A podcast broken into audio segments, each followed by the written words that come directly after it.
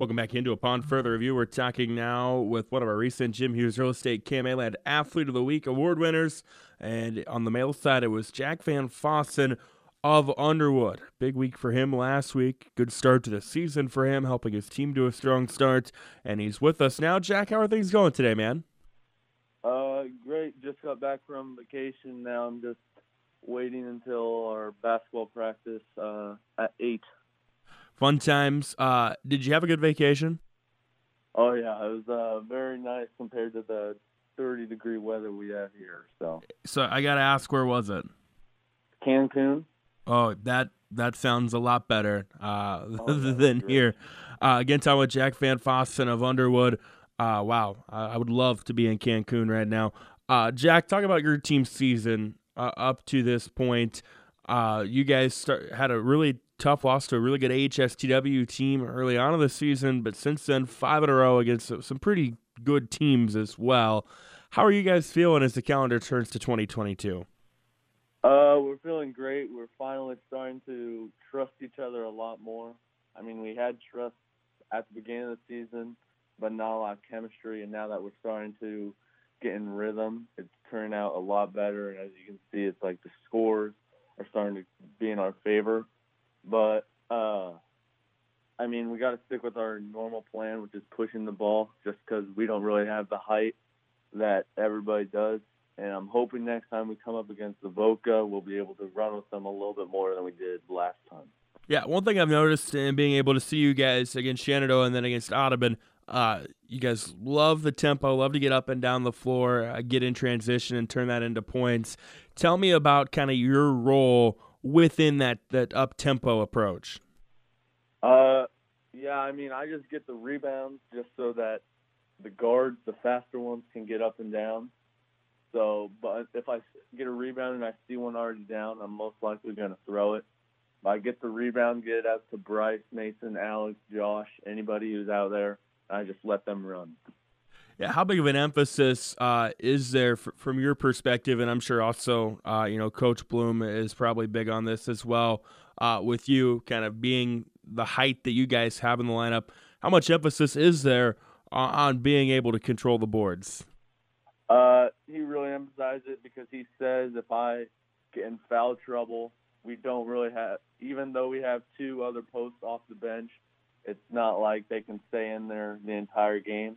So he really needs me to be smart in there and get be as physical as possible. Yeah, and right now it's working for you, averaging 12 rebounds per game. Uh, what are you doing that's leading to that? Where do you feel that's coming from? Uh, mostly defensive, just because, like you said, our tempo is all about the boards. So if I can get as many defensive rebounds as possible, that just leads to more opportunities for fast breaks. Yeah, offensively, uh, you're contributing as well, uh, averaging a double double with 13.6 points per game. Uh, tell me a little bit about your offense. What are some things that you feel you are doing well?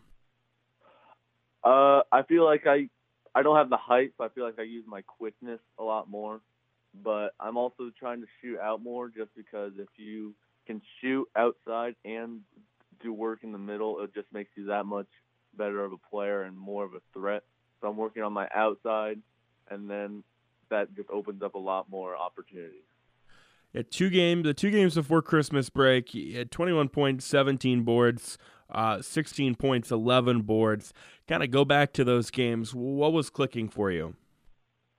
Uh, I mean, shots weren't falling for the guards. I remember that, but we tried getting the ball out to the the three point line and it opened so much stuff down in the middle, and that just gives me room to work. And then once I they start crashing down on me in the middle, it just opens up for them on the three point three point line. So it's just a win win for both of us. Again, talking with Jack VanFossan of Underwood, Jim Hughes Real Estate, KMA Land Athlete of the Week. Uh, last year as a freshman, you saw some time sparingly, uh, but this year in the lineup and contributing. Uh, first off, you know what what was kind of your expectations coming into this season? Did did you think you would have as big of a role as you've had? Uh, definitely not on the point side. I I knew coming in that I'd have to be a big uh, impact on the rebounding side, but I mean, the guards are doing a great job, and I'm thanking them that they're giving me the ball because last year was a struggle getting the ball to the post. So I mean, I gotta thank them for all the opportunities they've given me down low. So I mean, it's great. Where do you feel uh, from your freshman year to your sophomore year you you've improved the most? Uh, you've seen a lot more playing time, so uh, you know maybe it's more evident you know where those growths have been, but but what where would you think those are? Uh, I wouldn't necessarily say it's on the court part. I definitely have uh, lifted a lot more in the off season for football, baseball, basketball, track.